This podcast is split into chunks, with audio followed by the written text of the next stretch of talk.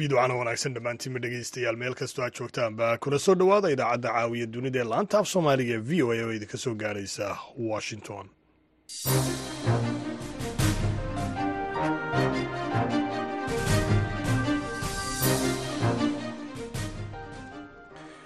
waa fiidnimo arbacaa taarikhduna ay tahay toddobada bisha februari ee sanadka waxaad naga dhegaysanaysaan moojadaha gaagaaban ee lix iyo tobanka iyo sagaal iyo tobanka mitirban iyo weliba guud ahaanba dunidood nagala socotaan boggayaga v o a somali com.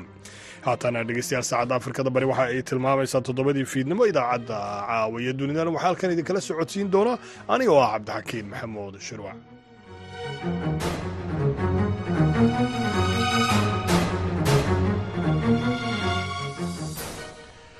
qodobada dhegaystayaal aad ku maqli doontaan idaacadda caawiya dunidana. Waxaa ka mida qaar ka mida ganacsatada magaalada muqdisho oo walaac ka muujinaya cashuuro uu ku soo rogay maamulka gobolka banaadir.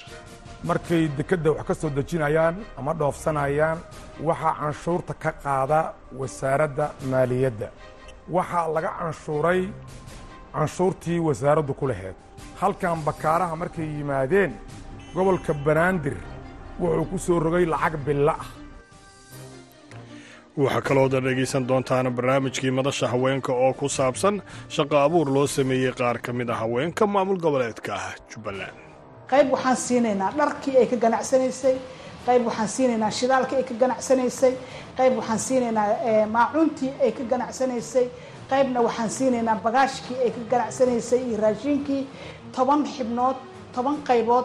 Ayaan maanta waxaan ku wareejinaynaa wixii ilaahay uu naga soo qaaday oo gabdhahaasi aan ganacsigooda ugu kordhin karno. Qodobadaas iyo weliba kuwo kale oo soomaalida iyo caalamkaba ku saabsan ayaad dhegaystayaal ku maqli doontaan intaan idaacadda ku guda jirno hase yeeshee marka hore ku soo dhowaada. Qaar ka mida qodobadii wararka adduunka ugu waaweyna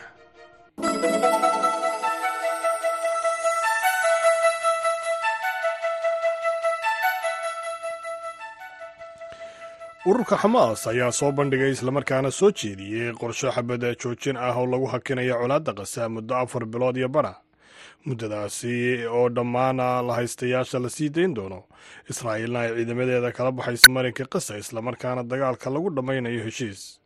Soo jeedinta xamaas oo jawaab u ah dalab ay toddobaadkii hore u geeyeen. Dhexdhexaadiyayaasha dalalka qatar iyo weliba masar kaasi oo ay ogolaadeen israa'iil iyo weliba maraykanku ayaa yimi xilli uu socdo dadaal diblomaasiyadeed oo ugu weynaa. Amaan idhaahdo dadaalkii diblomaasiyadeed ee ugu weynaa ee lagu doonayo in lagu soo afjaro colaadda qasaab ilaa iyo hadda ma jirto wax jawaaba oo ka soo baxday dhinaca israa'iil. Oo hore u sheegtay in aanay ciidamadeeda kala bixi doonin qasa ilaa iyo ay ka baabi'iso xamaas soo jeedinta loo geeyey xamaas ayaa tilmaamaysay saddex weji oo xabad joojin ah iyadoo tiiba ay soconayso shan iyo afartan maalmood. Xamaas ayaa taa beddelkeeda la haystayaasha ay qafaalatay toddobadii bishii oktoobar ku bedelanaysa maxaabiista falastiiniyiinta. ah waxaa kaloo soo jeedintaasi ku jirtay dib u dhiska qasa oo la bilaabo iyo weliba in ciidamada israa'iil ay gebi ahaanba ka baxaan qasaab iyo weliba meydka halkaasi ku jira oo la isweydaarsado soo jeedinta ayaa imanaysaa iyada oo xogayaha arrimaha dibadda maraykanka antony blinkan oo arbacadan maanta ku sugan yahay israa'iil. Halkaas oo uu hogaamiyayaasha israa'iil kala xaajoonayo in la hakiyo colaadda qasa iyo weliba in la sii daayo la haystayaasha ay haystaan ururka xamaas mas'uuliyiinta dalka bakistan ayaa maanta sheegay in ugu yaraan soddon qof ay dhinteen tobannaan kalena ay dhaawacmeen kadib laba qarax oo lala beegsaday xafiisyo ololaha doorashada loo isticmaalayay oo ku yaalay koonfur galbeed gobolka bulistan. Qaraxyadan khasaare geystay oo ka dhacay degmooyinka bishiin iyo weliba kiila silifula ayaa sii kiciya dareenka laga qabo ammaanka ka hor doorashada guud ee khamiista ka dhacaysa dalkan oo ay ku nool yihiin laba boqol iyo koob iyo afartan milyan oo qof ma jirto ciid sheegatay mas'uuliyadda weerarkan oo imanaya toddobaad kadib qarax kale oo bambaano oo lala beegsaday isu soo baxa doorashada ah oo ka socday isla degmadaasi bulistan oo ay ku dhinteen shan qof. Koox xidhiirlale kooxda dowladda islaamka la baxda islamarkaana lagu magacaabo islamic state khorasan ayaa iyagu sheegtay mas'uuliyadda weerarkaasi ka dhacay degmadaasi ugu dambeyntiina bayaan ka soo baxay wasaaradda arrimaha dibadda maraykanka ayaa lagu sheegay in dib u dhigista doorashada madaxtinimo ee dalka senegaal ee loo riixay ilaa iyo bisha disembar aan loo tixgelin karin mid sharci ah iyadoo tallaabadaasi ee dalkan aadka u xasiloonaa ee galbeedka qaaradda afrika ku yaalla ay gelisay. Xaaladdii ugu xubmayd muddo tobannaan sannadood ah hadalka maraykanka ayaa kii ugu cuslaa ilaa iyo hadda ee ka soo yeedha mid ka mid a xulafada caalamiga ah ee dalka senegaal. Tan iyo markii dib loo dhigay doorashadaasi oo qorsheedu ahaa in la qabto shan iyo labaatanka bishan februari taasoo dhalisay waa dibudhigistaas iyo walaac sii kordhaya oo gudaha iyo weliba dibadda dalkaasi ah xildhibaanada ayaa fiidnimadii isniintii cod aqlabiyada ku ansixiyey dib u dhigista doorashada. Kadib markii ciidamada ammaanka ay gudaha u galeen xarunta baarlamaanka islamarkaana ay ka saareen qaar ka mid a xildhibaanada mucaaridka kuwaasoo loo diiday inay codkooga halkaasi ka dhiibtaan. Maraykanka ayaa sheegay in uu si gaar ah uga walaacsan yahay tallaabadaasi ay xubnaha mucaaridka ah sida qasabka ciidamada uga saareen hoolka islamarkaana lagu hor istaagay in ay codkooda dhiibtaan taasoo uu sheegay in ay dib u dhigistaasi ka dhigayso mid aan loo arki karin wax sharciya dhegeystayaal qodobadii wararka adduunka ugu waaweynaa waa naga intaa haatanna u diyaar garooba qeybaha kale idaacadda caawa iyo dunida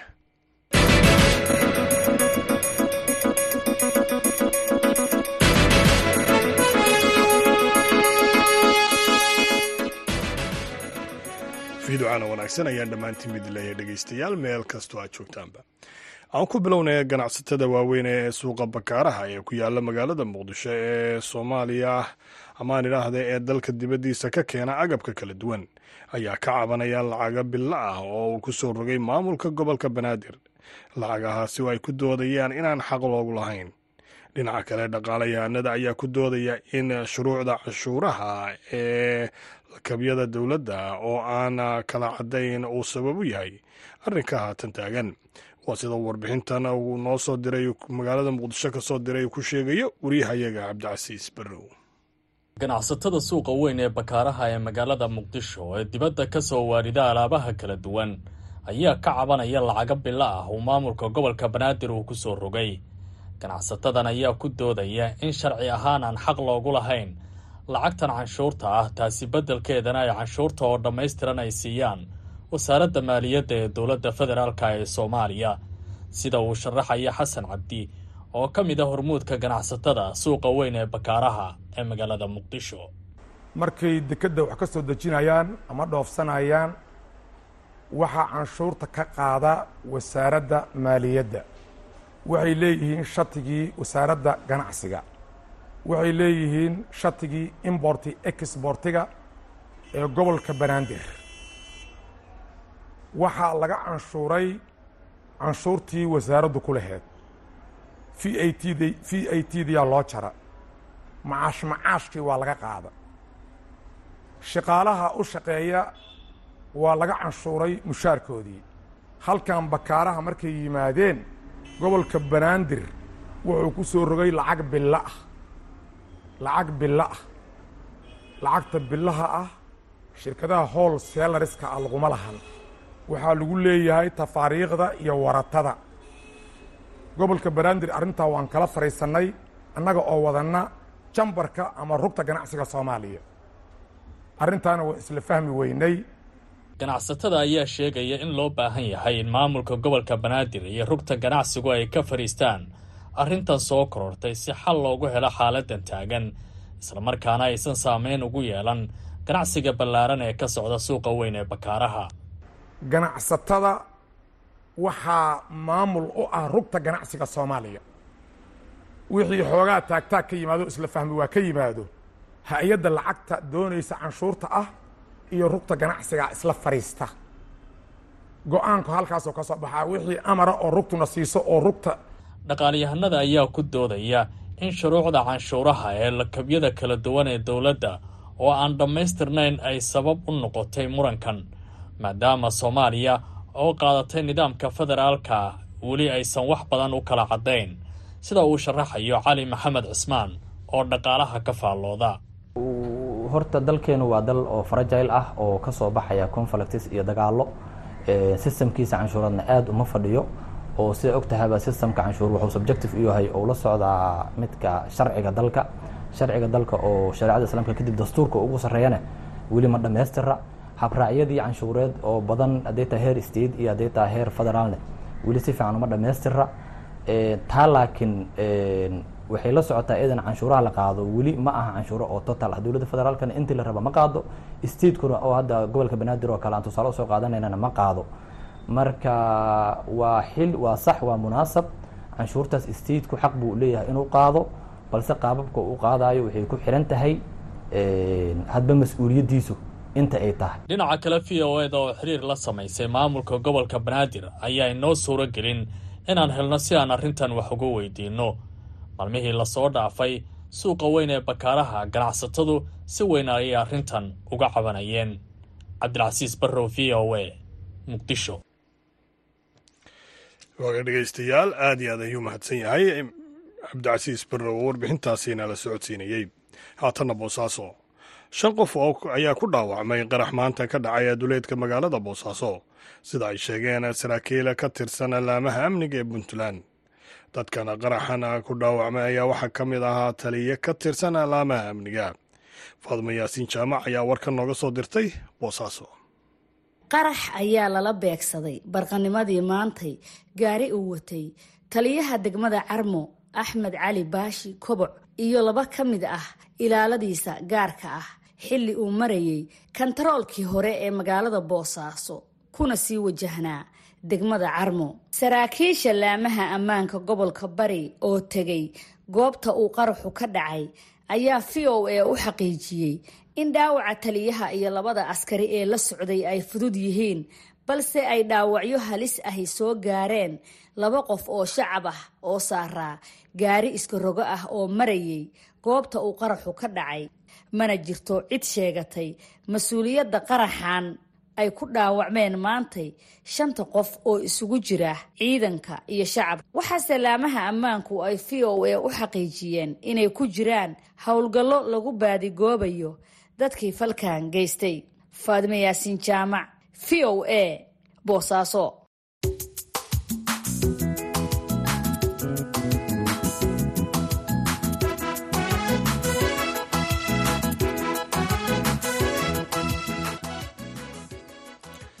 Halka weli aad nagala socotaana waa idaacadda caawiya dunida. Toddobaadkan dalka jarmalka waxaa ka dhacay dibadbaxyo ballaadhan oo lagaga soo horjeedo xisbiga midigta fog ee a f d boqolaal kun oo qof ayaa isugu soo baxay magaalooyinka waddankaasi.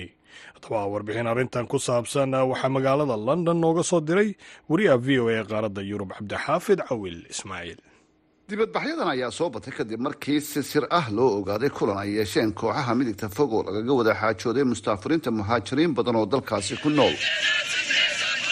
Mudaharaadyada ugu ballaaran ayaa axaddii ka dhacay magaalooyinka berliin munikh iyo magaalada colon waxa kale oo lagu mudaharaaday deegaanada ay taageerada badan ku haystaan xisbiyada xagjirka ah ee ku yaalla bariga jarmalka oo ay ka mid yihiin magaalooyinka leipzig iyo dresden. Sida ay xaqiijiyeen booliiska magaalada munikh mudaharaadka ayaa la dhameeyey xilli ka horeysay wakhtigii loogu talagalay inuu dhammaado iyada oo ay isku bateen dadka ka soo qayb galay. Booliiska ayaa ku qiyaasay inay dadkaasi gaadhayeen ilaa iyo boqol kun oo qof waana mudaharaadkii ugu tirada badnaa in muddo ah ee ka dhaca magaaladaasi munikh dadka qabanqaabiyey ayaa se sheegay inay tiradu gaadhaysay ilaa laba boqol oo kun oo qof.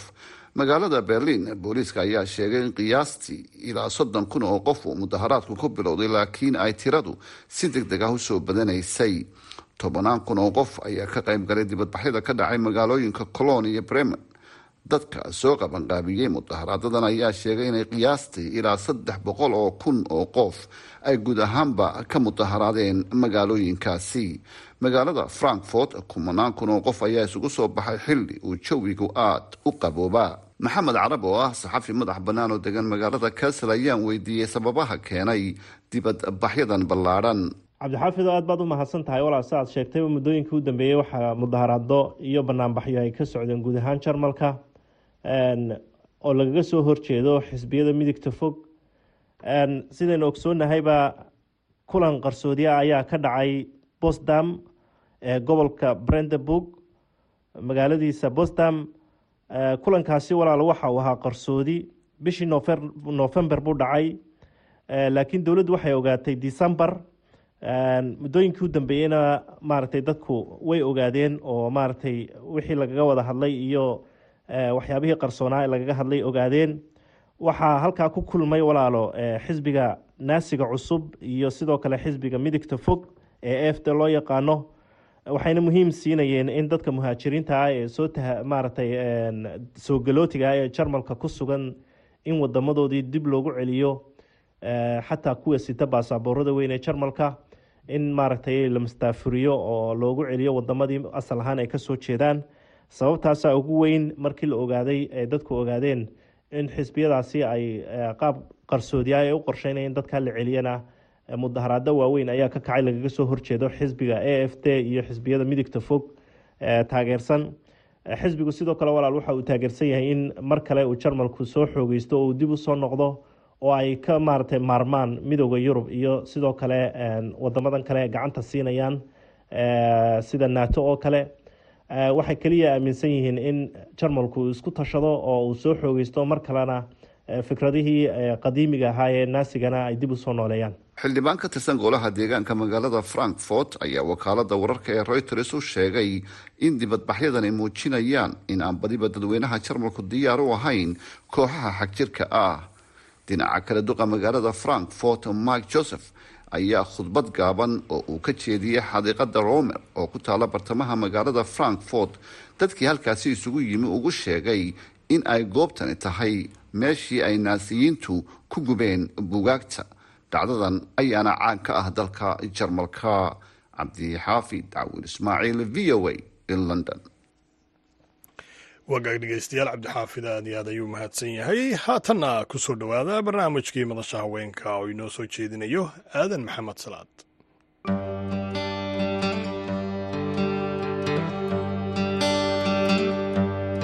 Haweenka soomaaliyeed ee ku nool magaalada kismaayo ayaa waayadan dambe waxa ay u socday tababaro kala duwan oo lagu kobcinayay aqoontooda. Si shaqa abuur loogu sameeyo markii tababarku u soo gebagaboobay kadib ilaa laba boqol oo haweena oo wasaaradda haweenka iyo xuquuqul insaanka jubbaland ay waday ayaa waxaa lagu maalgeliyey ganacsigooda iyadoona loo furay ganacsiyo kala duwan gaar ahaanna qaybaha lagu iibiya shidaalka bagaashka cunooyinka iyo sidoo kale qaybaha kala duwan ee ganacsiga oo koox koox loogu furay dukaamo ay ka ganacsadaan xaawo qaasim warsame oo ka mid a haweenka maalgelinta loo sameeyey ee goobta ganacsi loo furay ayaa barnaamijka madasha haweenka uga warantay sida ay ku heshay goobtan ganacsi iyada iyo koox kale oo dumar ahi. Bismillaahi raxmaan raxiim horta magacayga waxaa la dhahaa xaawo qaasim warsamaa laydhahaa goobtan ganacsigan waxay ugu maalgelisay wasaaradda haweenka iyo xaqulisaanka ayaa igu maalgelisay annagoo ah gabdho isu tagayo labaatan gabdhood ah ayaa iskale gruub oo maasha allah gruub la dhaho. Waxaana ilaahay ka sii baryaynaa in ka sii fiican inaan gaarno horumar gaarno gabdhahaas aad arkaysid. Waa sii maalgelinay annaga lacag ayuuta dhiganay ee wasaaradana tustay nala tababaray hay'adda keer ay noo furtay tababaro. Ayaa waxaan ku qaadanay heer annaga inaan ismaalgelino gabdhihii kale wax u sii furno.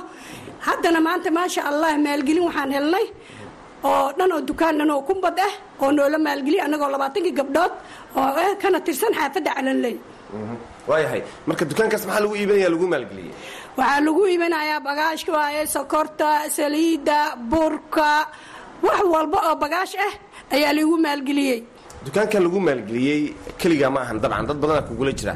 Marka maxaa isleedahay mustaqbalka wuu idinka caawin karaa? Maasha allah annaga hadda waxaan u malaynayaa maalmihii ayuutooyinka noola qabanaya waxba horta ma ogeyn. Waxaan leenahay ayuutada waa nalagu meelgaarayaaye bajedaa nalagu waa dhihaynay laakiinse hadda waxaan fahanay wax walba oo gabdhaha inay kumbadka yihiin gruub markii la noqdo in horumar la gaari karo. Oo ragga ragga maalqabeennada aan la tartamana waxaan inshaa allah aan ilaahay ka baryayaa inaan shirkadaha ana ay deen iga soo doontaan. Gruubkaas labaatankaas gabdhood oo maasha allah gruube calale waxaa ka dhisan laba gruub allaqaba gruub iyo maasha allah gruub gabdhahaaseetoo aad iyo aad loo maalgeliyey waxaan insha allah ka baryaynaa ragga qaarkiis inay anaga deenta naga soo doontaan. Sidaas ay tahay hadda anagoo saas u shaqaynayna ayaa weliba hanti ku yeelanay. Oo dukaamaka gabdhahan ganacsi kasayn oo guryaha ku jirda waa soo baxeen hadda ganacsiyay haystaan. Maasha allah guri waxaan u mahad celinaynaa wasaaradda haweenka iyo xaqolinsaanka shaqaalaheeda iyo wasiiradda. Marka labaatan qof baa tihiin bakhaar weyn miya mise waa dukaan bagaash lagu iibiyey waxaa laidinku maalgeliyey. Waa dukaan. Waxaanu lagu maalgeliya waa dukaan. Laakiin insha allah baqaar waa gaarayna hadduu ilaahay nafta nagu simo xoolaha waxa waaye waxaa wax yar wax badan ay dhalaan. Haddii wixii labaatanka gabdhood ay isu tegay ee maalgelintooda ay isku qabsadaan buuq ka dhacaan dhibaataa imaanad. Laakiin gabdho isku kalsoonaan nahay oo meheradooyin wax walbana horey u soo maraan nahay annaga. Maasha allah. maalgeliyey ka waran maanta meeshan joogay waxaa maalgelisay wasaaradda haweenka iyo xaqul insaanka. Waxay ahaayeen lix koox. Lix boqol oo gabdhood waay marka ilaahay mahaddiisaan ku gaarnay ganacsigooda qaar dhare dhara loo keenay qaar maacuunaa loo keenay qaarna bagaashaa loo keenay qaar shidaalaa loo keenay. Maasha allah waay intaas eeta waxay ku qabanayan ganacsi guruub guruub ah waay. Waxaan rabnaa inaan ragga kaga hormarno inaan ku gaarno dad kale anaga inaan sii maalgelino shirkadaha deenta laga qaadana inaan ka kaftoona isku dayaynaa insha allah sidoo kale ruqiye maxamed axmed oo ka mid ah haweenka magaalada kismaayo ayaa loo maalgeliyey goob ay shidaal ku iibiso si ay nolosheeda u maarayso waxaana ay sheegtay in ay goobtan ganacsi wax badan ka beddeshay nolosheeda sida ay sheegayso. Waxaana loo furay goob lagu iibiyo shidaalka iyadoo markii hore ka mid ahayd haweenka aan shaqayn ee ku nool magaalada kismaayo. Runtii ani magacayda waa ruqoyo maxamed axmed sidayda bannaan waxaa laygu maalgeliyey shidaal. Ani shidaal baan gidaa shidaalkayda haddee ogol bilow unbuu ahaa bilaawga naftiisa waxaa ii bilaawda wasaaradda haweenka xuquuqul islaamka iyo tiimkeeda. Waxa maanta oo ni maalgeliyo. Ogol hindhahayni anaga way xirnaayeen. Qaabkii loo ganacsanaa anaga ma garanaynin. Gurugaan iska fafadhine runtii fikirid oo annaga naga weyn unbaa nala siiya. Fikiriddii waan qaadane waxaa nagu soo dhexbaxeen nolol fiican fikirid fiican. Qofkii naga dambayna oo naftirkiisa uu ku noolaanayo maanta iyo beri shidaalaa un wax laga hela ani isma aan lahayn. Maalintii shidaalka aan bilaabayna jirgaanaan ku bilaabay. Maantana waxaan marihayaa fuustooyin. Waxaanu ku gaare wasaaraddeennii haweenka xuquuqul islaamka iyo tiimkeedii shaqaalaheedii. Meel walba ay gashe un ayada unbaa maanta hordhac noo ah oo wax walba ay noo soo qabsanaysaa gabdhaheedii anaga tiimkaynii isku xidhan waa labaatan gabdhood. Oo garuubkaynina uu yahay allaqabe. Labaatankaas gabdhood go'aan gaareen fikriddii way qaadeen wixii sifa ay wax ku soo dul saaraan. Qaybtii kan lagu gaday qaybtii in wax la dul saaro. Sifa oonay dhaqaalo meel loo dhigo. Ganacsigaas in la barto in oo meeshii wax ku jiro dukaanka inuu u fiicnaan xirnaan uma fiicna goob ku fiican in aan ku furno qaabkii loo gadi lahaa boorkii aan ku dhegsane. Haddee horumar fiicanan mari hayna wasaaradayni haddana weliba waxaan ku odsanaynaa sidaan si kale weli ka sii duwan aan ku sugi haynaa bedel kale aan sugi haynaa wejiga labaad way kan haddaan taagnay mar horena wayni maalgelisay wejiga labaad way. Wejiga saddexaadna waxaan rabnaa tilaabo kale inaan sii qaadno. Haddaan nahay haweenka ee jubbaland state magaalada kismaayo ee ururka haweenka waayahay nolosha ma isleedahay wax badan bay iska bedeli doontaa ganacsiga. Aad iyo aad nolosha wax badan bay isku bedelaysaa because hataa qofkii markaas kaa dambeeya caawa oon dabkiisa aan shidinaynin maanta qaado ku soo danayso beri io keen. Ninkaas hataa markaas ee meesha waxay soo gelaysaa dad isku dhex nool bulsha isdhex gashi. Aan dareemaynaa noloshada aad iyo aad waxbay isku kaa bedelsha waa kaas ganacsiga aaduu u fiican yahay. Waan aragnay waxtarkiisa haddee waxaaway ganacsiga waaba la sheegay hortaynin abagaaba u soo daceeyo ee anagana hadda waaba kortaaganahay isbeddel weynaan aragnay. Anagoo tiimkaynii ku saabsannahay labaatankaas gabdhood xaafadda guulwadaanna ku tirsannahay maasha allah si fiicanna nuu kala socdaa wax fiicanna waan ka soo saarnay. Waxaan rajaynaynaa saanoo sii ka dhaan sanadkan sanadkiisa. Saanoo sii ka dhaanaan rajaynaynaa gobonimo iyo guulnimo iyo horumaroo wacan wasaaradda haweenka xuquuqul islaamka gabdhaha ururka haweenka ee jubbaland state waa taageersagnahay hore u socaan dhihi lahayn anagu haddaan nahay gabdhaha ka waran maxaad ugu baaqi lahayd? Gabdhaha shaqla-aanta gabdhaha shaqo la'aanta aniga waxaan uga baaqi lahaa aragteydii bisbis ha bilaawdaan bisbis markaad bilaawdo wax unbaa kugu soo baxay. Ayagana markaa anaga kor aan u kacno oo kub celis aan noqon oo hindhahayna inoo furtaan. Gabdhahaas ayakana inaan u jeesano anaga wasaarada naftarkeed aan ku maaragno wixii anagana loo bari inaan ayakana u geyno ay ku sii shaqaysadaan hirfad fiican ay ku helaan oo noloshadooda ay ku soo noqdaan. Haddee nin le waxsi lama dhihi karo. Waa inaan shaqaysano kartida inay banaanka aan soo baxsano. Gabdhaha waxaan uga baaqayaa guriga ka soo baxa hamaashta bisbisfurta shaqaysta. Haddii haddaad shaqaysato naagna olaad naqanaysaa. Dalkaadii iyo dadkaadi wax baad u qabanaysaa. Gabdhaha guriga ku jiraan intaasaan uga baaqi lahay anoo ah ruqyo maxamed axmed jubbaland steeg magaala heebadka kismaayo. Wasiirka wasaaradda haweenka iyo xuquuqul insaanka jubbaland cadar ismaaciil juuraati oo aan arrimahan wax ka weydiinay ayaa sheegtay in ujeedka mashruucan uu yahay mid lagu dhiirigelinayo haweenka looguna talagalay in ay ku kobciyaan ganacsigooda iyo dhaqaalahooda si ay meesha uga baxdo dhibaatada haysata haweenka soomaaliyeed sida ay sheegtay. Laba boqoloo haweenoo ka mid ah ayaan waxaan siinaynaa wixii ay ku ganacsanayeen waxaa ka mid ah waa toban qaybood ayaan u kala qaadnay oo min labaatan ah. Qayb waxaan siinaynaa dharkii ay ka ganacsanaysay qayb waxaan siinaynaa shidaalkii ay ka ganacsanaysay qayb waxaan siinaynaa maacuuntii ay ka ganacsanaysay qaybna waxaan siinaynaa bagaashkii ay ka ganacsanaysay iyo raashinkii. Toban xibnood toban qaybood ayaan maanta waxaan ku wareejinaynaa wixii ilaahay uu naga soo qaaday oo gabdhahaasi aan ganacsigooda ugu kordhin karna oo aanaan ku kormeeri doonaa heerka ay gaarsiisan yihiin.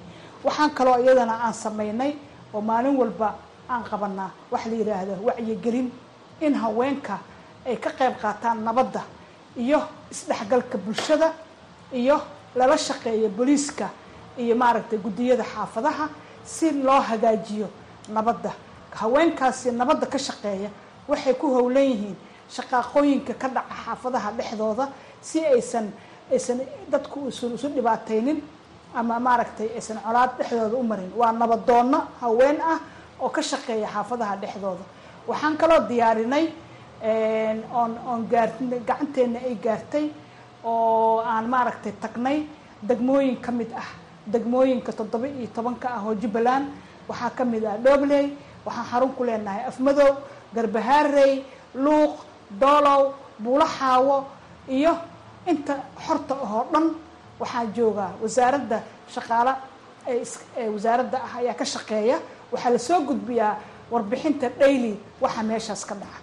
Inkastoo haweenka magaalada kismaayo ay heleen maalgelintaasi sidaasi si la mid a haweenka ku nool degmada baardheer ee gobolka gado oo sannad ka hor maalgelin loo sameeyey ayaa gebi ahaanba waxaa burburiyey ganacsigii maalgelinta loogu sameeyey daadadkii xoogganaa ee ku dhuftay degmadaasi sida ay v o a u sheegtay qureysho aadan cumar oo ah guddoomiyaha ururka haweenka ee degmada baardheere ee gobolka gado. Waad mahadsan tahay haweenka degmada baardheere markii la yidhaahdo horta ugu horeyn markii la yidhahdo saamayn biyihii ku dhuftay baardheere saamaynta ugu weyn ama ugu tirada badan ayada weeye. Gartay sababtoo ay tahay hooyada waad og tahay wixii ilmaha ama reerka ama qoyskaba tabantaabinayo waa hooyada gabdhihii marka meelihii ay fadhiyeen hadday yaanyo gadayso iyo hadday caano gadayso iyo haddii ay niis leedahay wax allaaya wixii agabahay oo dhan biyihii baa la tegay gartay meeshii ay degaayada hooyga ahana sidoo kale iyaguna biyihiiba baabi'iyey gartay hooyadii waxay noqotay heer ay qaxootiyaashii meelahaas qolaba ama qoyska qoys kor dhibaato weyn aleha u saamayso haye halkaa markay hooyadu marayso hawsheeda markay halkaa marayso oo macnaha saamayntii aad u tiro badan ay biyihii u geysteen oo wadigaan ad aragtay oo baar dheere oo buundadiisa go-an tahay. Labada daanba ay hooyadu ka joogeen. Waxaa laga yaabaa daanta shishe ka timaado magaalada gudaheeda inay ganacsiga ku lahayd. Ganacsigiina ka baaba-ay buundadiina go-day.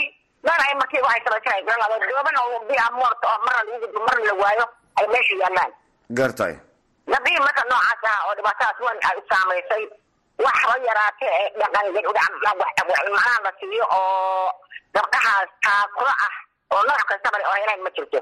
Aad oo weyn bay gabdhaha u dhibaataysan yihiin dhibaato weyn bay qabaan ururka haweenka anigu guddoomiya ururka haweenkan ahay. Habeen iyo maalin anaa lay ag tuuran yahay. Anigana haddee meel walba waa gujiyo meelba waa dharbaxa wax haddaan haba yaraatee gacan ku haya ma lahan. Marka aad bay walaahi gabdhahaasi u dhiban yihiin. Ma hayaan wax ganacsi oo ganacsi u kordhiyey male. Hooy baaba'yey. Wax u keenay male wax taakureynhaya male waa dhibaato weyn baa dhulka haweenku yaqaan gabdhaha soomaaliyeed ee qabaan baardheere jir. Ma jiraan weli haween ku nool degmada baardheere oo maalgelin loo sameeyey oo ka faa'iidaystay? Way jiraan. Hadda ka hor way jirtaa ayadayada i c r c muddo hadda taariikhda iima qorooba wakti ma haysto. Ayaa waxay siisay laba boqol oo gabdhood shan boqol oo dollar oo ganacsi ah oo taakula ah. Gabdhihii way qaateen. Runtii gabadhii horey wax ku haysatayna waxbaa u koray oo way ku faa'iiday tii aan haysanina waxbay yamyamatay oo macnaha ay aduuratay gabdhihii marka noocaas ahaa hawsha iyagoo wato oo iskaba fiican oo mar labaad haddana ay siiyeen. Wax alla waxay ahaayeen biyihii baa kala tegay. Waad garan kartaa baqaradii waaweynay iyo caradii waaweynaa wixii ma biyo qaadeen gabar haddii iska masaakiin waxayna biyo dhabiida ahaa. Waad iska garan kartaa wixii ay haysay oo biyihii mareen. Marka gacanta ay ka taagteen wax haba yaraata ay hayaan lama arka iyaga iyo awlaadoodii wuxuu dhan baa iskor saara waa tahay. Waxaa jirta haweenka shaqooyin u gaara oo ay ka shaqaysaan sida dharka oo kale cilaanka oo kale. Taa bal ka waran ma ka faa'iidaystaan? Maya waxa u keenay male. Waxaa loo baahan yahay gabadho. Hadday gacan wax ku haynin. Hayad hayad taakulaysa ama wasaaradda haweenka wax taakuleeya oo gabdhihii meel u sameeyo. Oo shaqa abuur gabdhihii u sameeyo. Oo loo bilaabo. Way ka shaqaysan lahayen gabdhihii wayna qabsan lahaayeen. Markay ka aflixaanna baahidooda gaarkay ku samaysan lahayen qaar haddii dhaqankay tolan lahayd cilaankay saari lahayd wax walbo markaas iyada ay u dhiban tahay.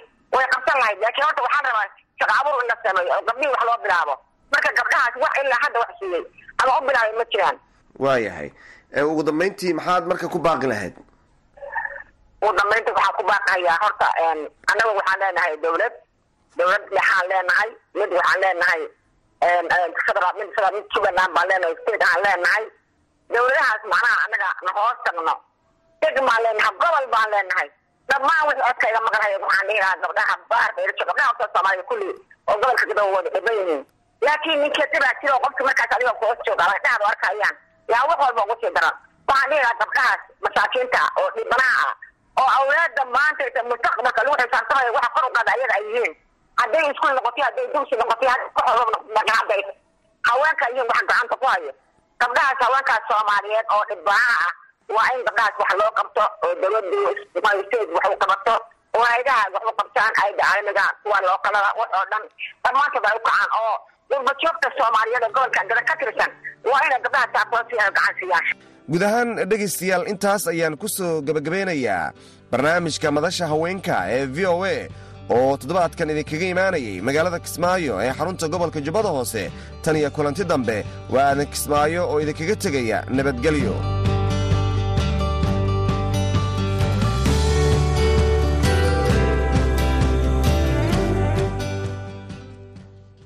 Aad iyo aad ayuu dhegeystayaal aadan u mahadsan yahay oo barnaamijkaasi madasha haweenkayna la socodsiinayey haatan aynu kacno dhinaca iyo gobolka hiiraan mas'uuliyiinta caafimaadka ee maamul goboleedka hirshabelle ayaa sheegay in afar qof ay u dhinteen cudurka shubanbiyeedka oo deegaanka xawaadli ka dhacay iyada oo la sheegay in ay cudur ka dhasheen biyaha ka hadhay fatahaadihii gobolka ku dhuftay. Warbixintan waxaa inoo soo diray xuseen xasan dhaqane. Sida ay xaqiijisay wasaaradda caafimaadka hirshabelle afar qof oo dhammaantood carruur ah ayuu xanuunka shubanka ku dilay deegaanka xawaadley ee gobolka shabeellaha dhexe dad labaatan qof ka badan oo uu soo ritayna waxaa la dhigay cisbitalka magaalada jowhar.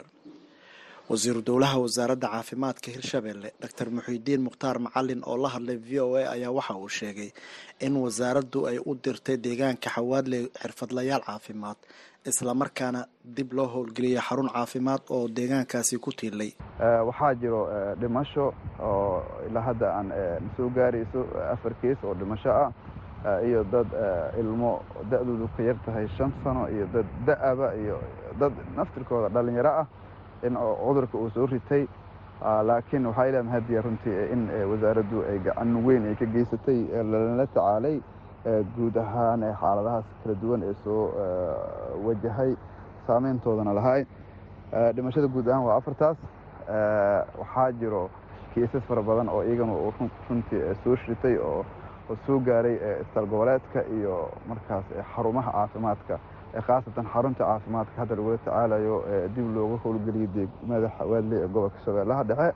Wasiirka ayaa intaa ku daray in maalmihii ugu dambeeyey guud ahaan deegaanada hirshabelle ay soo badanayeen dadka uu soo ridanayo xanuunka shubanka iyadoo loo aaneynayo dadka oo isticmaalaya biyaha daadka ee ku fatahay qeybo ka mid ah deegaanada hirshabeelle waxaa jira guud ahaan deegaanada hirshabeelle in bishii ugu dambeysayba ama isbuucyadii ugu dambeysay yani ay soo fara badanayeen ee kiisaska uu soo ridinayo cudurka shubanka shuban biyoodka maalmihii u dambeeyey kiisaska waxay ku soo bateen gobolka shabeellaha dhexe khaasatan ee degmada xawaadley iyo tuulooyinka hoos yimaado waxaanu ognahay bilihii la soo dhaafay in roobab aada u fara badan islamarkaasna wato dabaylo oo maxaanku yidhahda aan ogna guud ahaan waddanka in ay saameeyeen.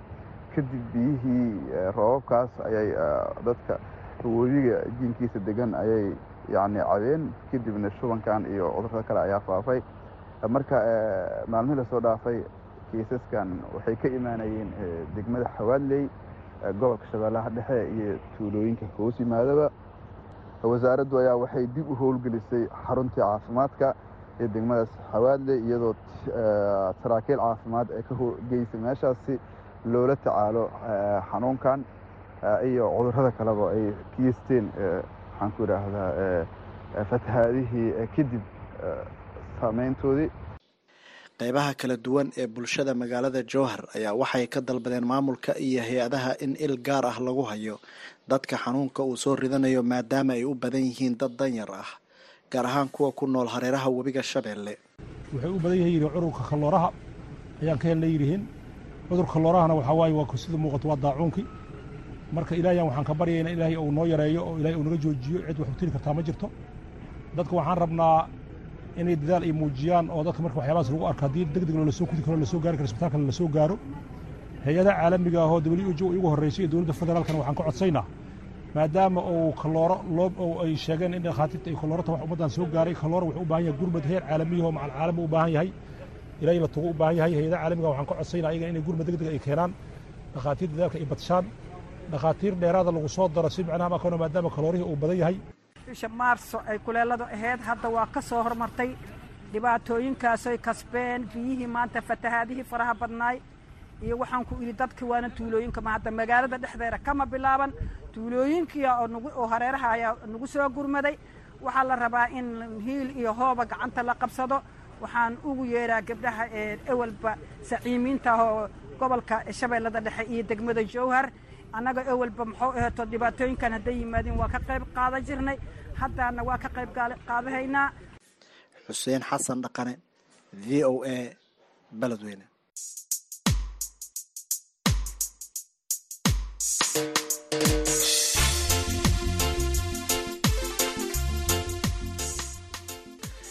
madaxweynaha maraykanka jo biden ayaa tallaabada ayaa salaasadii shalay toolaan idhaahdee ugu baaqay sharci dejiyayaasha maraykanku inay taageeraan heshiis ay xubnaha labada xisbi ee ka tirsan aqalka sanadka ay gaadheen oo gaadhaya boqol iyo siddeed iyo toban bilyan oo dollar taasoo loo adeegsanaya ilaalinta xuduudaha maraykanka. Kaasoo sida oo kale ah gargaar la siin doono israa'iil iyo weliba ukraine laakiin tirada sii kordhaysa ee ka tirsan xisbiga jamhuuriga ayaa sheegaya inay qorsheynayaan in aanay taageeraynin. Wariyaha v o eda aqalka koongareska catherine gibson ayaa warbixintan noo diyaarisay waxaa inoo soo jeedinaya maxamed bashiir cabdiraxmaan lixdan bilyan oo gargaar ah oo la siinayo yukrain afar iyo toban bilyan oo la siinayo israa'iil oo ay dheer tahay. Masiirka kumanaan magangelya doon ah iyo sugidda amniga xuduudaha maraykanka ayaa hadda halis ku jirta iyadoo ansixinta hindisaha sii amni oo ku kacaya boqol iyo siddeed iyo toban bilyan oo dollar oo u muuqdo inuu ku fashilmi doono aqalka sanadka dhammaadka asbuucan. Waa kan madaxweyne joe biden shacbiga maraykanku waxa ay rabaan in xal lagu dhammeeyo hadallada ad adag ee siyaasadeed ee maran kuwaasi oo muddo dheer waxba aan qaban. Si aan shaqada u gudanno waa in aan dhaqaale u helnaa xadka. Baidan ayaa riixaya heshiiskan oo wadaxaajoodkiisu uu aqalka sanadka ka socday muddo afar bilood ah kadib markii xubnaha sanadka ee jamhuuriyiintu ay dalbadeen in isbeddel lagu sameeyo nidaamka socdaalka maraykanka si ay iyana u meelmariyaan lacagta gargaarka ee yukrain waa kan biden oo mar kale arrintaasi ka hadlaya.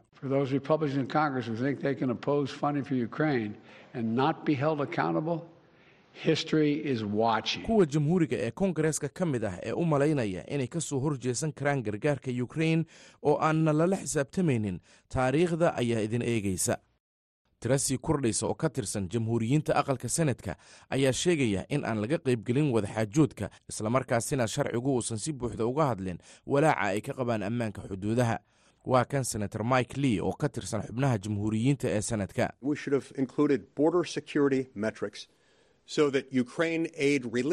Waxay ahayd in aan ku darno jaangooyooyinka amniga xuduudaha si oggolaanshaha gargaarka yukrain loogu xidho in la gaaro bartilmaameedyada amniga xuduudaha qaar badan oo ka tirsan jamhuuriyiinta sanadka ayaa ka cagajiidaya inay u codeeyaan heshiiskan iyagoo ogsoon in mustaqbalkiisu uu mugdi ku jiro maadaama aqalka hoose uu maamulo xisbiga jamhuuriga. Waana kan afhayeenka aqalka hoose ee maraykanka mike johnson.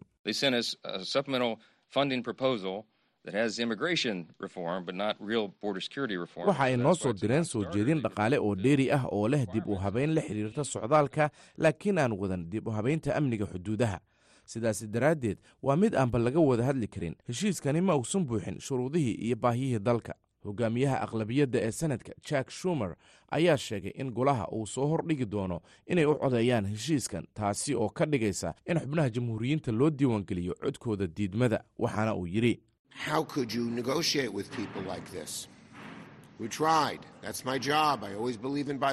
sideed sidan oo kale ugu gorgortami kartaa waan isku daynay. Taasina waa shaqadayda anigoo rumaysan wax labada xisbi ay u dhan yihiin. Marka hore waxa ay yidhaahdeen ma ansixinayno gargaarka yukrain iyadoo aanu la socon qodob ka hadlaya xuduudaha. Hadda ma ansixinayaan gargaarka yukrain oo ay la socdaan qodobada xuduudaha. Hagaag keebay tahay. Hogaamiyaha wadaxaajoodka ee xubnaha dimuqraadiyiinta ayaa sheegay in jamhuuriyiintu ay diidmadooda heshiiska tahay xisaab ku salaysan sanadka doorashada waana kan senator chris marfy oo ka tirsan xisbiga dimuqraadiga. Madaxweyne trump ayaa si cad u sheegay in uusan doonayn xal labada xisbi ah oo quseeya xuduudaha. Uuna rabo in xadka uu fudo sii ahaado sababtoo ah waxa uu u malaynayaa in taasi ay siyaasad ahaan caawinayso hindise sharciyeed si gaar ah u taagnaa oo taageero dhaqaale siinayay israa'iil ayaa isna talaadadii guuldaraysay kadib markii xubnaha dimuqraadiyiinta ee aqalka sare ay sheegeen inay tahay in hindisahaasi lala ansixiyo gargaarka yukrain iyo amniga xuduudaha maraykanka. Aad iyo aad ayuu dhegeystayaal u mahadsan yahay. Maxamed bashiir cabdiraxmaan oo inoo soo koobayey warbixintaasi oo ay diyaarisay wariyaha v o eda ee aqalka koongareska catherine gebson xogii arrimaha dibadda maraykanka antony blinken ayaa sheegay in madaxda xamaas ay ka soo jawaabtay heshiis la doonayo in laga gaadho iswadaarsiga lahaystayaasha. Arrintaasoo ugu dambeyn xakin karta dagaalka socda waxa uu sheegay in maraykanku uu daraasaynayo jawaabta xamaas islamarkaana uu kala hadli doono xukuumadda israa'iil arbacada maanta. Wariyaha v o eda arrimaha diblomaasiyadda sindiseyn ayaa warbixintan soo dirtay waxaana inoo soo koobaya maxamed cabdi sandheere xogaya blinken ayaa booqasho ku tegay dalka qatar kadibna arrintan ka sheegay shir jaraa'id oo halkaasi ku wada qabteen ra'iisul wasaaraha qatar. Annaga oo wada jirna annaga qatar iyo masar ayaa waxaan soo jeedinay hindise weyn oo yoolkiisu uu yahay in wixii hore uun aan lagu celinin la sii ballaadhiyo. Ra'iisul wasaaraha qatar sida uu hadda sheegay xamaas way soo jawaabtay. Waan daraasadaynanaa jawaabtaasi kadibna waxaan kala hadli doonnaa xukuumadda israa'il arbacada maanta. ah blinken ayaa sheegay in shaqo badani ay harsan tahay si heshiiska loo dhammaystiro hase yeeshee waxa uu intaasi raaciyey inuu rumaysan yahay in heshiisku uu suurtagel yahay lagama maarmaanna uu yahay. Ra'iisul wasaaraha qatar maxamed cabdiraxmaan aal thani ayaa isna sheegay in jawaabta xamaas ay tahay mid togan aqalka cadna madaxweynaha maraykanka jo biden ayaa taxadar badan ka muujiyey waxaana uu sheegay in loo dhaqaaqay dhinaca xalinta arrinta la haystayaasha isaga oo soo qaban waayey magaca ururka xamaas oo wariye ka mid a wariyaashii goobta joogay uu xasuusiyey.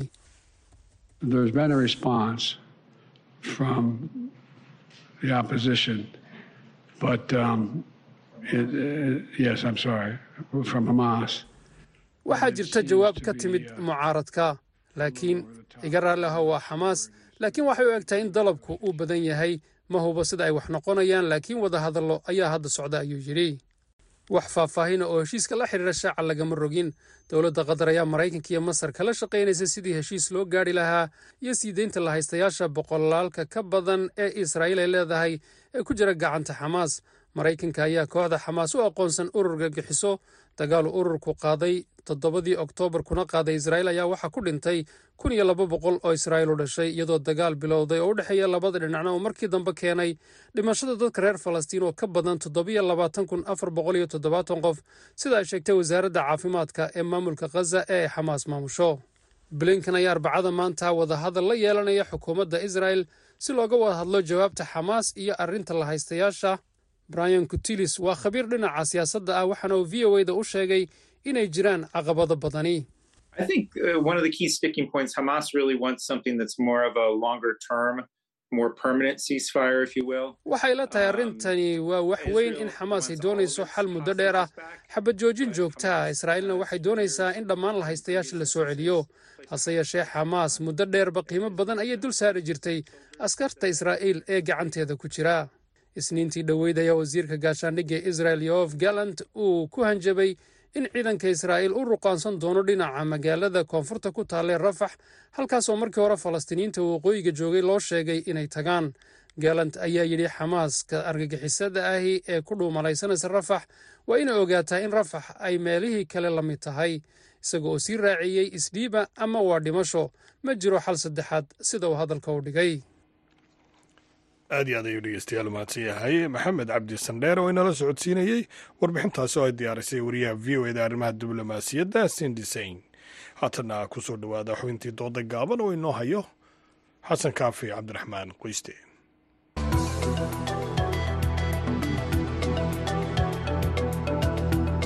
Magaalada muqdisho iyo meelo badan oo ka mida gobollada dalka soomaaliya waxaa shaqola'aan ba'ani ay ku haysataa dhallinyaro soomaaliyeed oo intooda badan soo dhammaysatay heerarka kala duwan ee waxbarashada haddaba dhallinyaradaasi qaabkee shaqa abuur loogu samayn karaa ma iyaga ayaan u diyaarsanayn inay shaqaystaan mise dowladda dhexe iyo maamul goboleedyada dalka ayaa gabay kaalintii dhallintaasi kaga aadanayd. Waa mowduuca aynu ku gorfaynayno xubinta dooda gaaban ee maanta waxaana ka doodaya cabdifataax ibraahim casharo iyo cabbaas cali nuur oo labaduba ka mida dhallinyarada aqoon-yahanada ee ku sugan magaalada muqdisho waxaana hadalka ku horeynaya dhalinyarada soomaaliyeed waxaa shaqo abuur loogu samayn karaa isleeya aniga in qayb lixaad le ka qaadato dowladda federaalk ee soomaaliya. Dowlada federaalk ayadaa laga rabaa inay dhalinyarada jiheyso xirfado kala duwanna dhalinyarada lagu jiheeyo.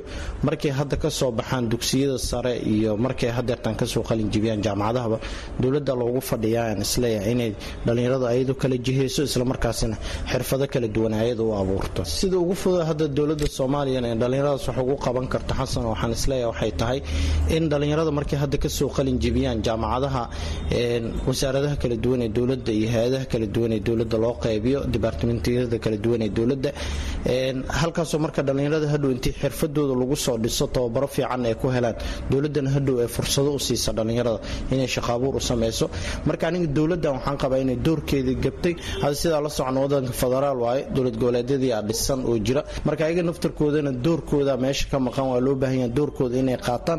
Fursadihii ayagana dhalinyaradu u abuuraan. Marka waxaan isleehay haddii labada dhinac ay sidaas la isku kaashado oo dowladii dhexena ee culayskaas keento fursadahaas ay abuurto dowlad goboleedyadiina dhinacaas si dhinac lamida ayagana ay sidaas fursadii u abuuraan. Waxaan is leeyahay caqabadan ugu weyn ee dhalinyarada hadeertaan haysato ee maalin walba intay soo qalinjibiyaan derbiyadiis ka fadhiyaan ayagoo wax fursada aan heli karin inay meesha ka bixi karto ama ugu yaraan ee la yareyn karo. Haye cabaas saaxiibkii cabdifataax arrinta uu ka dhawaajiyey ee arrinta uu mas'uuliyadda oo dhan dowladda madaxa ka saaray xogaha waxaa u malaysaa inaan kala fikir duganahay. Dowladda waxba macnaha ay hadda ay leedahay ama mas'uuliyad intaas ku shaqaalaysiiso shaqo oo abuur abuur ugu samayso nothing ma laha. Awooddaas ma laha. Laakiin in la gaarsiiyaa la rabay dhalinyaradii ayay gaarsiiyaan. Tusaale ahaan muqdisho aan joognaa waxaa laga shaqeeya ugu badan waxa ay tahay dhalinyarada ay ka shaqeeyaan bajet maalintii wuxuu soo xareeyaa qofka shan toban doolar toban doolar lacag soddon maalmood toban doolar lacagaa ku dhufo. Qofka markuu dhalinyara ugu yaraanoo meesha ugu yaraan ka hadlaya kuwa intaas ku fikiray waa mahadsan yihiin. Qof walba dhalinyarada wuxuu aaminsan yahay markuu wax soo baxa adeerkiisa inuu xildhibaan yahay ama wasiir uu leeyahay shaqa la geen karo. Oo shaqadii markii la geeyana waxba ka qaban karin. Laakiin wadankan waxaa badbaadin kara oo aan leeyahay waxay tahay in la helo tiim dhalinyaro ah dadka iyo dalkaba u shaqaysa naftoodana horumaraya dhalinyarada ayagaa isjahini karo. Fiiri waxaan leenahay beeraan leenahay oo waxaan leenahay bad baan leenahay waxaa jiro shirkado ka shaqeeya ama hay'ada ka shaqeeya fangareey oo maalgeliya dhalinyarada hal abuurka leh. Waxaa loo sameeyaa dooman baa loo sameeyaa. Doomankaas waxaa loo talagalay shabaag baa loo sameeyaa matoraa loo saaraa talaagad baa la siiya baawar baa la siiyaa. Adduunku waa iskuday in wax la isku dayo horta. Markii wax la isku dayo baa wax ka imaan kara. Waxaan leeyahay dhallinyarada ayaga ha isku tashtaan cidna yaysan khaladka ayaga ay leeyihiin cidna yaysan saarin hurdada ha ka kacaan. Cabdi fitaax maxaad ku sababaynaysaa in dowladda dhexe iyo maamul goboleedyada ay gabeen kaalintii kaga aadaneyd inay dhallinyarada shaqo abuur u sameeyaan waxaan ku sababana xasan waxaad moodaa haddaan indhaha la istiraynin dowladda skiiliskan uu saaxiibkayga hadda ka hadlayo xirfadaha uu leeyahay dhallinyar inay ka faa'iidaystaan sida beerihii oo kaleeto kalluunka inay soo saartaan oo kaleeto. Waa shaqadii dowladda loogu fadhiyaan aan aniga aaminsanahay. Sababtoo ah dowladda ayadaa laga rabaa inay dhallinyarada intay xirfadahan ku jihayso inay dhallinyarada sectoriskan dhahda ka faa'iidaysta. Oo hadda xilligii dowladdii kacaanka ay jirtay. Waxa ugu badan dadka ay ka faa'iidaysan jireen beerahay ahayn beeraha dadka intay iskooda ayaga isku xilqaameen si iskooda aguma aysan faa'iidaysanan dowladdiia waxay bartay dadka inay ahmiyad weyn leedahay beeraha. Sidaas darteed wacyigelin fara badana la sameeyey. Beerihiia dadka qududuruuriga laga helay soo go-a waxaa la sameeyey maalgelin fiican dowladda ku samaysay dadka dhiirigelin iyo motivation fiican ay heleen. Xasanoo xaaladayna sida aad la socotid maanta. Mooska caadiga ahaa ee beerihii soomaaliya ka baxay a maanta turkiya dowladana loogu keenaa. Qofka dhallinyarada ah beeraleyda maanta intoo noqdo ee moos laba sano ama sanad inuu intoo kor fadhiyo beertiisa markuu soo go-o la yidhahdo moos turki laga keenaa jooga hoteelada magaalada hadda mooska turkiya laga keenay wada qaadanaya sababta waxaa leeyahay mooskan dibadda laga keena waa moos yaroo jaalle ah waa nadiifsan yahay kanaa la qaadana hadda haddaa xogaha hoose la socotiin dadkii caadiga ahay ee beeraleyda ahay ee soomaalida ahay la yaqaanay muddada dheer beerihii ku jiray hadeerta intay beerihii ka soo tagaan ayaa waxaad moodaa hadda in dad ayaa beerihii tabcadaan oo dadka fursado kaleeta oo barakacyaal isku beeleen galey iyo mucaawino u fadhiyaan waa nasiib daro weyn oo dhacday. Haddii marka dowladda ee jihadaas ugu faa'iideyn lahayd dadku oo wacyigelin fiican samayn lahayd oo dhiirigelin fiican loo samayn lahaa oo dalagooda markuu soo go-o dunida loo iibgeeni lahaa wax muuqdee noqon lahayd. Anigu waxaan aaminsanahay boqolkiiba boqol doorka dowladda federaalka aheedna waa la dhumiyey doorka kale iyo micnihii kaleeto dowlad goboleedyada loo abuurayna ayadana meesha ka baxdo waa la dhumiyaan leh cabbaas waxa aad xustay in dhallinyaradu ay yihiin kuwo jiifa oo aan ku baraarugsanayn fursadaha shaqo ee dalka ka jira. Maxaa daliila oo aad arrintaas u haysaa? Xasan kaafiyo inay dhallinyarada hurdo waxaa kuwa caddaynaysa hal arrimood oo keliya fiiri boqolkiiba sagaashan maanta social media wax isticmaala yaa u badan. Su'aasha adaan ku weydiinaya. Kulli meel bay fadhiyaan fikirkoodii dhan dad maskaxda laga haysto waay dhallinyaradaas marka waxaa laga rabaa inay shaqo abuur ay la imaadaan. Hadday tahay bajaaj hadday tahay kalluumaysi hadday tahay beerihii haddii ay tahay inay bacadle noqdaan haddii ay tahay inay shirkado furtaan haddii ay tahay inay serviceka ka shaqeeyaan hal arrimoodna waa ku darsanaya. Arrinta aan ku darsanaya waxay tahay dowladda inay abuurto waa ayada buu yiri saaxiibkayga. Waa ka soo horjeeda. Waxaan ugu horjeeda waxay tahay xarumo bixiyaa jira vocational training farsamo gacan. Haddii ay tahay computer skills haddii ay tahay plumbing oo sidii tubada loo geliya ma haysano wax tubo geliya maanta. Haddii ay tahay electricity ma haysano wax koronta aaday u yaryihin haddaan haysanana. Haddii ay tahay farmingkii sida beerihii loo abuurto waxaasoo dhan waa wax la barto. Marka intaas uu qofka iska dhiso meesha uu garabgarab uu secondary ku aadayo waqtigiisuu kala maareeyo. Waqti markii hore uu ku darsado afarta sano jaamacadda aan dhiganayo skills man leeyahay markii horeba inuu ku darsadaa usan ku xisaabtamin keliya bajka aan wato ama international relationship and diplomacy. Ama waxaan wataa public health. Keliya waxaa rabaa wasaaradda caafimaadka inaan u shaqeeyo dowladda u shaqeeyo inuu fikirkaas ka baxo awalkii horeba uu ku darsado inuu skills leeyahay qofka. Marka dhallinyarada waxaan rabnaa inay jiifka ka toosaan. Fursado waxaa yaalla magaalkan adduunka oolin. Waxaynu joognaa gebagabadii dooda xalku muxuu yahay? Aan ku horeeyo cabdifitaax xalku wuxuu yahay xasanow in dowladda macaahidii hore ee tobabarada ee dadka lagu tababari jiray sida kii managementiga ahaayo sitam iyo macadkii kaleeto xirfadaha horumarinta gacantoo kaleeto. In dowladda intii macaahidii hore dib loo soo cusboonaysiiyo boorka loogu jafo dhallinyarta fursado loo siiyo in la yidhaahdo imaada macaahidda dhallinyarada skiiliskooda la dhiso. Kadibna dowladda ee dhallinyarada cududooda ay ka faa'iidaysato. Dowladda iyadaa loogu fadhiya iyadaa canshuurta qaadato dalkan ayadaa laga rabaa barsentajka ugu badan dalkan inay shaqaalaysiiso siiyo dhinacaaga maxaad ku soo gebagabaynaysaa oo uu xalku ku jiraa. Xalku wuxuu ku jiraa. Waxaa loo baahan yahay dhalinyarada soomaaliya inaysan ka faanin shaqooyinka yaryarka. Ah hoos laga soo bilaabo basic syriyan baa imaaday wadankii yemeniyan baa imaaday. Magaaladii shaqooyinkii aan kafaani jirnay maqaayadii magar ma garanaysaa maqaayadii heblaaya ugu shidana le ayadaa borosada ugu fiican samayso wixii aan kafaani jirnay suuriya iyo noo keenay shalay ay yimaadeen. Kuwaanina meeshaan ay fadhiyaan maqaayad bay fadhiisanayaan. Toban qof toban shaaha la shubanaya tobankaas shaaha siyaasi hebel muxuu yidhi hebel hebel maa ku dhegan. Siyaasadda xaggee ay maraysaa dhallinyaradeeni inay fikirka noocaasa iska daayaanoo dadkooda iyo dalkooda inay wax u qabtaan ayagana wax u qabtaan. Intaas ayaynu dhegaystayaal ku soo koobaynaa. Xubinta dooda gaaban ee maanta oo igala qayb galeen cabdifataax ibraahim casharo iyo cabaas cali nuur oo labaduba ka mida aqoon-yahanada soomaaliyeed ee ku sugan magaalada muqdisho. Tan iyo kulanti dambe waxaannu idinkaga tegaynaa sidaa iyo nabadgelyo.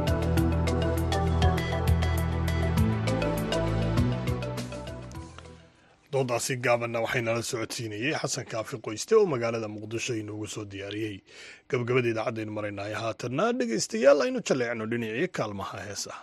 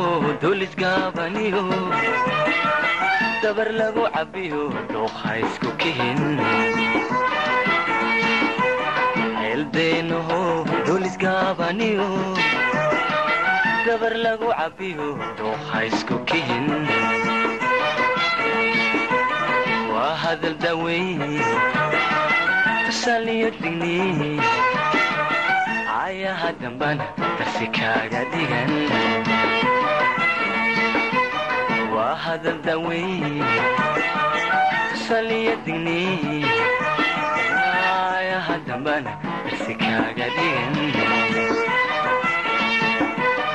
eedibisu qabo hana daalino hadalyuu ku dinin eedibisu qabo hana daalino hadalyuu ku dinin niya kaadaban kuma diirnaxde niya kaadaban kuma diirnaxde eedibisu qabo hana daalino hadalyuu ku dinin eedibisu qabo hana daalino hadalyuu ku diirnaxdee